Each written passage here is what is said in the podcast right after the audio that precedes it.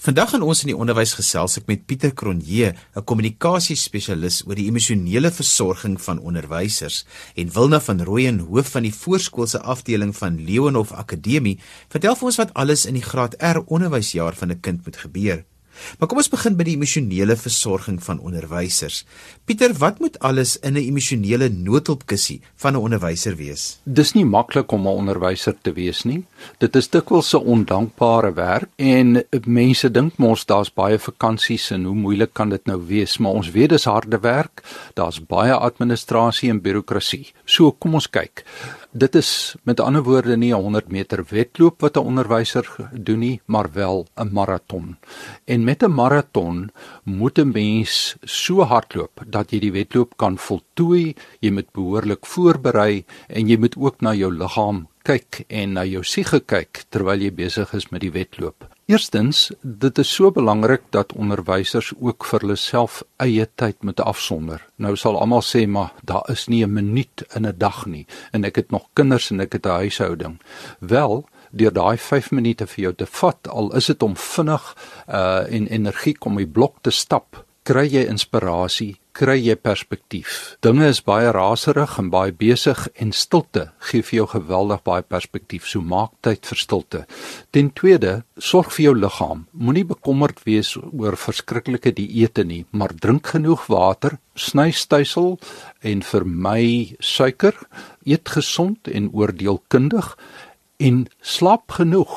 Baie mense spog dat hulle met 2 of 3 uur slaap kan klaarkom, maar oor 2 weke gaan dit vir jou vang. So slaap en rus genoeg. Mense sê ook hulle het nie tyd vir oefen nie, maar gaan stap met die honde. Doen dit vinnig. Dis goeie kardiovaskulêre oefening en dit is ook gewigdraande oefening wat baie goed is vir rugkwale en vir jou ledemate se skerniere. Dan is dit belangrik om iets spesiaals te vind wat jou siel voed en of dit nou pottebakkery is of dit skilder is of dit bak is en of dit lees is of na musiek luister. Ek het altyd oorfone en 'n musiekbron byderhand en ek kan letterlik binne 30 sekondes met my gunsteling musiek afskakel. Die ander ding is jy moet geestelike ankers hê. En hier is ek nie voorskrifklik oor jou geloof nie, maar glo in iets wat sterker, uh alwyser en almagtiger is buite jouself en dat dit jou voedingsbron, jou fondament wees. Dan dis belangrik om konsekwent en volgens jou waardes op te tree, want dan uh lei jy 'n lewe van sin. Wat ook help is dat jy 'n mentor het. Iemand wat of 'n ouer kollega is of 'n ouer familielid of net iemand met wie jy aanklank vind. En dis belangrik om dan siele op die tafel te kan pak met daardie mentor en te praat oor goed wat jou werklik raak. Dit is besonder goed. Maar daar's 'n keersy van die munt. Sorg dat jy ook 'n mentor vir iemand is, want deur te leer, leer jy self. Ten laaste, ons het in duiktaal het ons die term 'n buddy. Dit is jou duikmaat. En vooraf gaan julle mekaar se duiktoerusting no, uh, na. Julle uh, sinkroniseer julle handtekens en dan neem jy 'n besluit. Kan ek my lewe uh, in sy hande stel 30 meter onder die water? In lugvaartterm het jy 'n vlerkman, 'n wingman en hy is altyd besig om na jou belange om te sien. So met daardie noodhulpkussie of daai geestelike oorlewingskussie word dit vir uh onderwysers 'n bietjie makliker om die wedren te voltooi. Pieter, kom ons praat oor eie tyd. Ek dink dit is 'n ding wat ons almal verstaan en ons hoor dit dat mense sê jy moet tyd vir jouself neem, maar wat beteken dit prakties? Want ek dink nie almal verstaan altyd wat dit beteken nie. Jy moet gaan kyk eh, wat is jou huidige omstandighede. Ek neem my vrou, sy kom by die huis, almal wil iets met haar deel of iets haar wil vra. Die honde spring op. Ewe skielik is sy oorweldig en die enigste manier om daarvan ontslae te raak is om in die kar te klim en miskien alleen na 'n winkelsentrum toe te gaan en 'n koppie koffie te gaan drink of met 'n vriendin te gaan kuier wat nie dieselfde aansprake het nie. En dan as daar 'n tyd is vroeg in die oggend terwyl die huismense nog slaap of laat in die aand terwyl almal al gaan slaap het, Dit is ook 'n spesiale stilte tyd en dan kan jy met oorfone luister na jou gunsteling musiek of selfs sommer net 'n paar meditasie gedagtes deur jou kop laat spoel want stilte is so belangrik om perspektief te hê. Ek vind ook dat om in die natuur te wees en veral met jou honde, dan is jy bewus van jou omgewing, van die son, van die wind.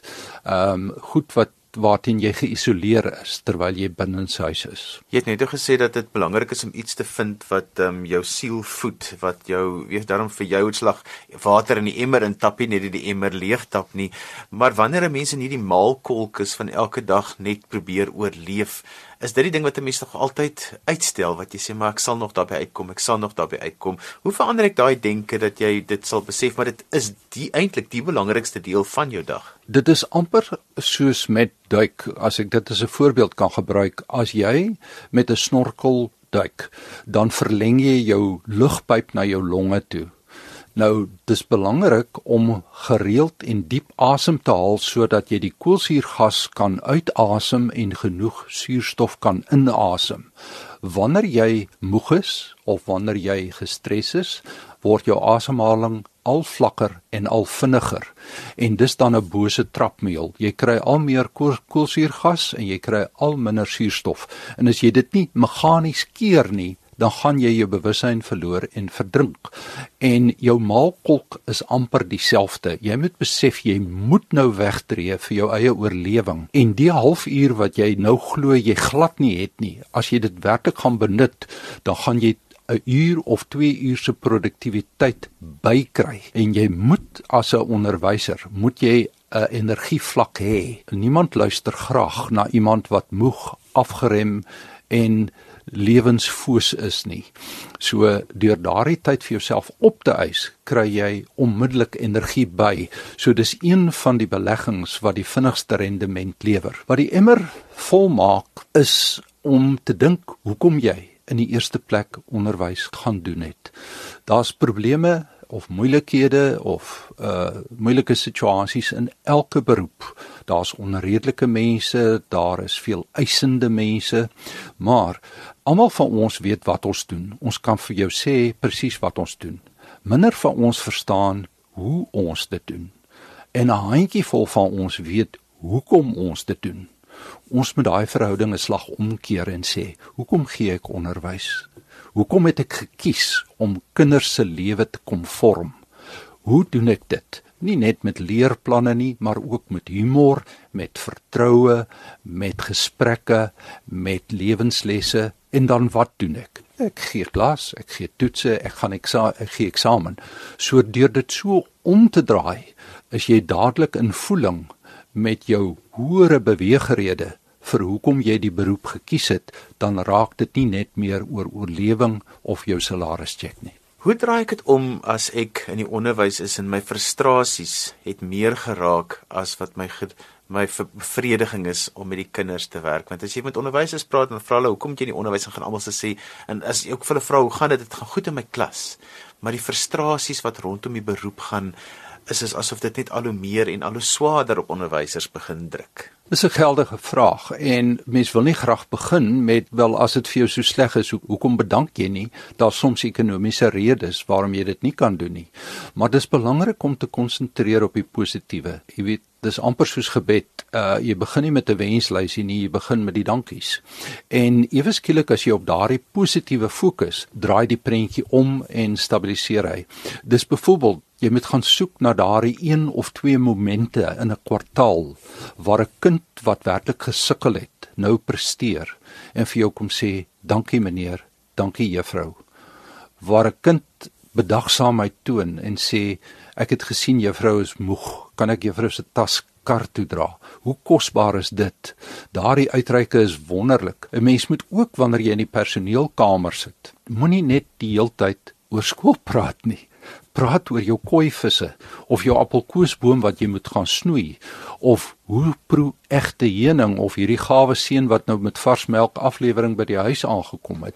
Dit is ook belangrik. En ek dink 'n mens moet soms net trou staan en nie alles fatalisties aanvaar nie. Uh nou onlangs was ek by 'n groep mense, hulle sê, "Wie dis regtig moeilik. Ons bestuurder is soveel eisend. Hy vra vir ons elke week dieselfde ding en dis altyd 'n krisis." Toe sê ek nou maar, "Wat gaan julle doen?" Sê, "Hoe maar is so." Sê ek, "Maar wat gaan julle doen?" Hoekom kom julle nie by mekaar en sê hoekom vra hy dit en hoekom het hy dit nodig nie en dan sê hulle vir hom ons het 'n beter manier. Jy kan nou rustig slaap maar ons kan beter slaap en as jy nie iets daaraan doen nie dan hou dit net aan. Daar's 'n gesegde wat sê jy raak verslaaf aan jou toestand en jy moet eenvoudig meganies terugtreë en sê ek kan nie so aangaan nie want jy moet sê oor 6 maande van nou af oor 'n jaar van nou af as dit nog so is hoe hoe gaan ek wees en dis nie 'n manier om 'n lewe te lei nie. Jy het net gesê dat om konsekwent op te tree is baie belangrik. Wat bedoel jy daarmee? Kinders het 'n groot waardering vir billikheid en konsekwentheid. Hulle sal teregwysing aanvaar, hulle sal selfs 'n straf aanvaar van iemand wat konsekwent optree, wat niemand voortrek nie, wat met dieselfde stel omstandighede dieselfde besluit sal neem en dieselfde sal sê. Want as jy volgens jou waardes, jou interne kompas, jou GPS lewe en jy dan hoef jy nooit leuns te vertel nie, jy hoef nooit uh doekies om te draai nie uh en en kinders soek daardie autentiekheid die groot ding met die sosiale media deesdae is nie net meer meer van dieselfde plastiek en oppervlakkigheid en spookasem nie. Mense is so ontvanklik en waardeer iets wat eg is, oorspronklik, autentiek, innoverend en kreatief is. So ek dink dit is baie baie belangrik en dan die raad moenie die kind straf nie, straf hom vir die oortreding. Met ander woorde, ek ek respekteer jou nog as mens. Ons maak almal foute, maar dit is verkeerd en jy moet die gevolge besef en as ons almal so doen, dan gaan die bodem uit die skool uitval. Pieter, as skole met jou wil kontak maak, hoe kan hulle dit doen? My webwerf is www.pieterkronje.com. My e-pos pieter@pieterkronje.com of hulle kan my skakel by 082 465 4965. Jy luister na ons in die onderwys hier op RSG 100 tot 104 FM en wêreldwyd op die internet by rsg.co.za. Jy kan ook na RSG luister op DStv audiokanaal 813. Ek gesels met Wilna van Rooyen, hoof van die voorskoolse afdeling van Leonhof Akademie oor Graad R onderwys. Wilna, wat is die doel met Graad R onderwys? Jon, graad R onderwys is mos maar eintlik 'n voorbereidingsjaar. Dit is eintlik deel van die pre-primêre fase wat nou half ingesluit is by die skooljare, maar nog nie formeel nie. Dit word beplan dat dit deel van die formele onderwys sal word, maar hulle beplan dit dat dit miskien hier in 2019 gaan gebeur. Dit het nou nog nie gebeur nie, maar ons hanteer dit al asof dit reeds wet is dat graad R deel is van formele onderwys. Wil nou, wat is die verskil tussen graad R en dan graad 1 spesifiek? Johan, in die eerste plek is dit dan nog nie verpligtend nie en dit is nog 'n totale informele jaar. As jy kyk na die woord waarvoor R, R staan vir receptioneer wat dan eintlik ontvangsjaar is. En dit is 'n jaar waarin kinders die geleentheid moet kry om skoolgereed te word. Dit gaan natuurlik glad nie skoolgereedheid waarborg nie want kinders word skoolgereed wanneer hulle gereed is daarvoor. En ehm um, die program wat gevolg word is totaal anders en behoort totaal anders te wees as die graad 1 jaar. Graad 1 het 'n rooster, dis formele onderwys, die kinders moet sit op stoele vir 'n dag, hele dag lank en hulle moet leer, lees, skryf, wiskunde doen en alles. By die graad R jaar is dit tog informeel en dit is ook so in die kurrikulum ingeskryf kinders moet nog baie speel. Hulle het 'n 'n uur vrystel binne wat baie belangrik is want dit is waar hulle baie vaardighede aanleer wat hulle gereed behoort te maak vir skool en ook 'n uh, uur buitespel net so belangrik want by graad R kan ons nie net op sekere aspekte van opvoeding uh, fokus nie. Die kind moet in totaal uh, ontwikkel. Uh, dit is 'n absolute holistiese benadering wat ons het want um, hy moet geestelik, emosioneel, sosiaal, groot motories, klein motories, perseptueel, al daardie wonderlike belangrike goed moet hy aan blootgestel word om hom gereed te maak vir skool. Ek is so bly jy noem dit skoolgereedheidsjaar want um, baie keer dan is kinders nog nie skoolgereed aan die einde van graad R nie en ouers dink is eintlik 'n jaar wat jy moet deurkom, maar dit is eintlik beter dat die kind dan in graad R moet bly tot hy skoolgereed is want anders het die jaar geen doel regtig gedien as jy dit net sien as 'n deurkom jaar nie. Dit is 'n jaar waarin daar baie prosesse moet plaasvind en as die prosesse nie plaasgevind is dit baie beter om jou kind maar nog 'n jaar te hou tot hy skoolgereed dit is. Johan, dit is verskriklik waar wat jy sê.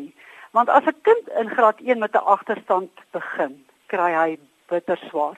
En soos jy sê, as 'n mens hom terughou in graad R, is dit net 'n ekstra speeljaar, maar in graad 1, as hy dalk graad 1 moet terugbly, is dit 'n dryping wat vir 'n kind baie moeilik is om te verwerk. Ek sê altyd, jy weet, dit is baie lekkerder as jou kind 'n voorloper is as wat hy die hele tyd probeer om in te haal en in te haal en hy kom net nie by die werkies uit nie. Ek sien maar die graad 1s werk vinnig. Hulle begin dadelik met 'n formele program en dit is maar vir baie kindertjies bitter moeilik. As ek sien, weet jy ons ehm um, stel ons die kinders absoluut informeel bloot aan klanke. En baie kinders wie se breintjies reeds gereed is daarvoor, geniet dit.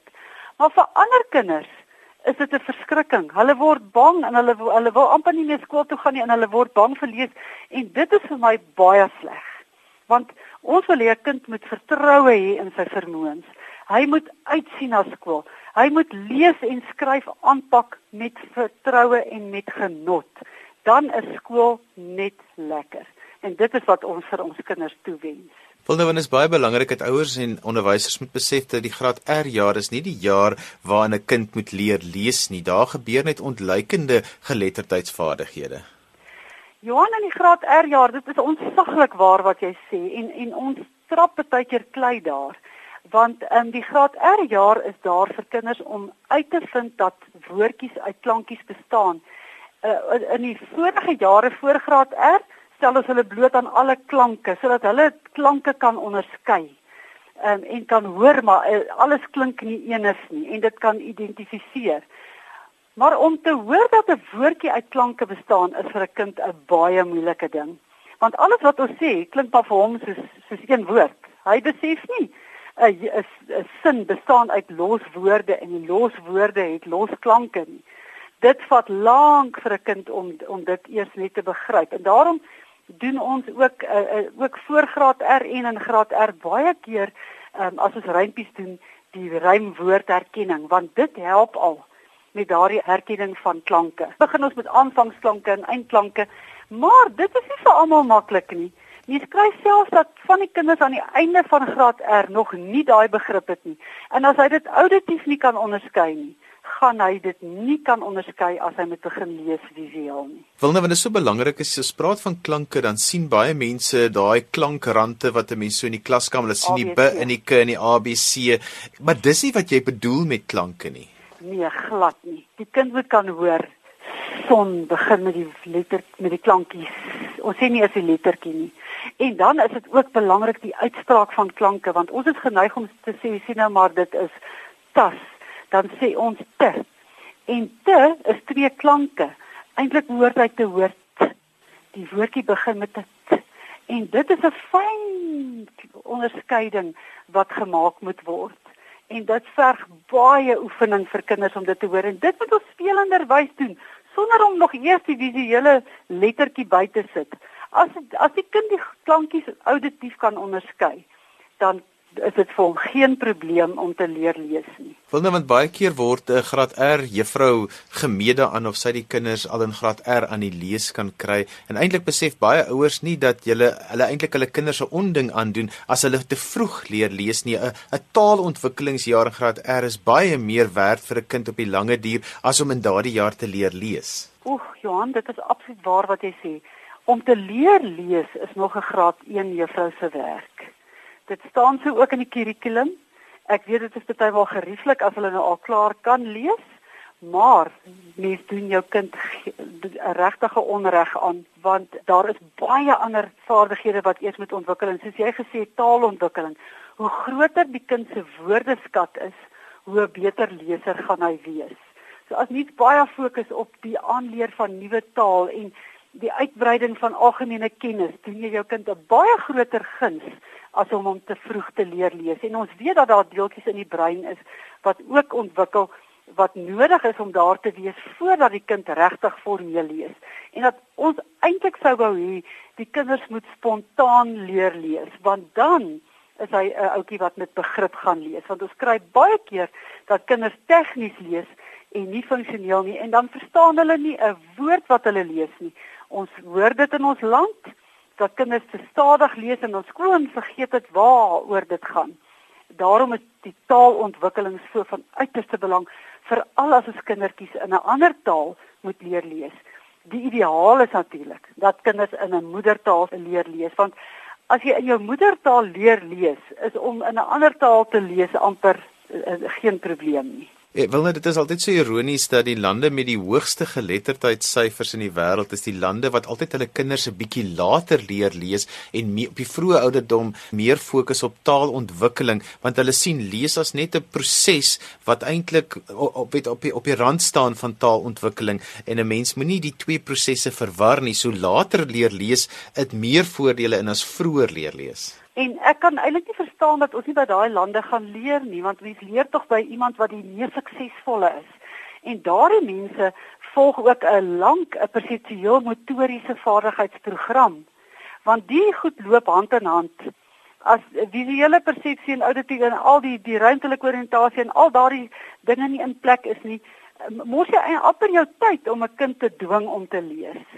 En dit is as jy sê, hoe meer ervaring die kind het, en meer taalontwikkeling daar is, hoe makliker gaan hy lees. En ons wil tog die lewe eintlik vir ons kinders makliker maak, nie moeiliker nie. En uh, dit is presies wat ons nou doen. Ja, want kinders wat aan baie taal blootgestel word en ouers wat vir hulle kinders op hulle skoot tel en met hulle lees en wat sommer net die die straatname lees terwyl hulle in die kar is, daai kinders leer eintlik van self lees en hier na die einde van graad R dan kan hulle al woordjies lees, maar hulle dis nie op hulle hulle is nie geleer lees nie. Dis maar as gevolg van die baie blootstelling aan taal dis reg en die ervaring met taal.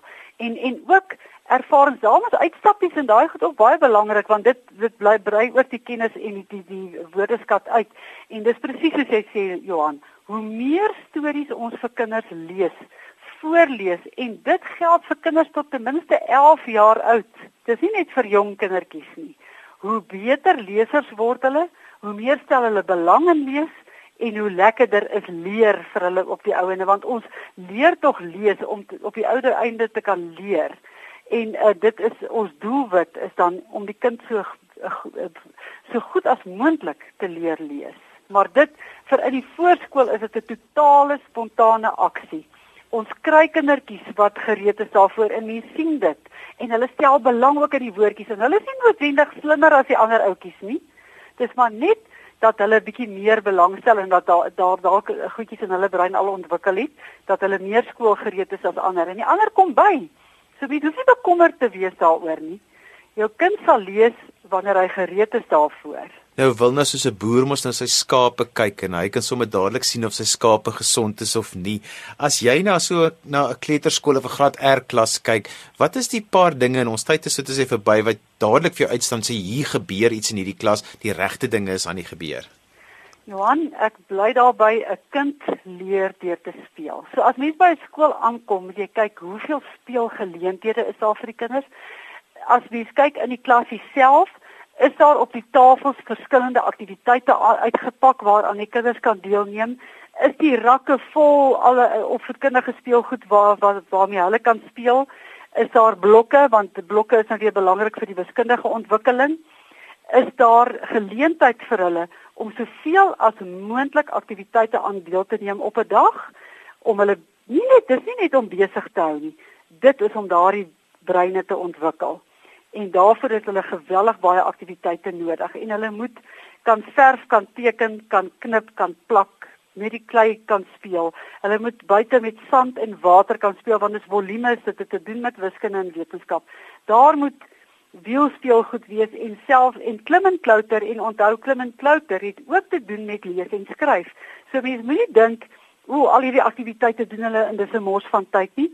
Dis juis om hulle gereed te maak vir al die baie leer wat voorlê. En so gesels Wilna van Rooyen hoof van die voorskoolse afdeling van Leonhof Akademie. Dis en alwaar vir ons tyd het vandag. Dankie dat jy na ons in die onderwys geluister het. Onthou jy kan weer na vandag se program luister as 'n potgooi. Laai dit af by rsg.co.za. daarmee groet ek dan vir vandag tot volgende week van my Johan van Lille. Totsiens.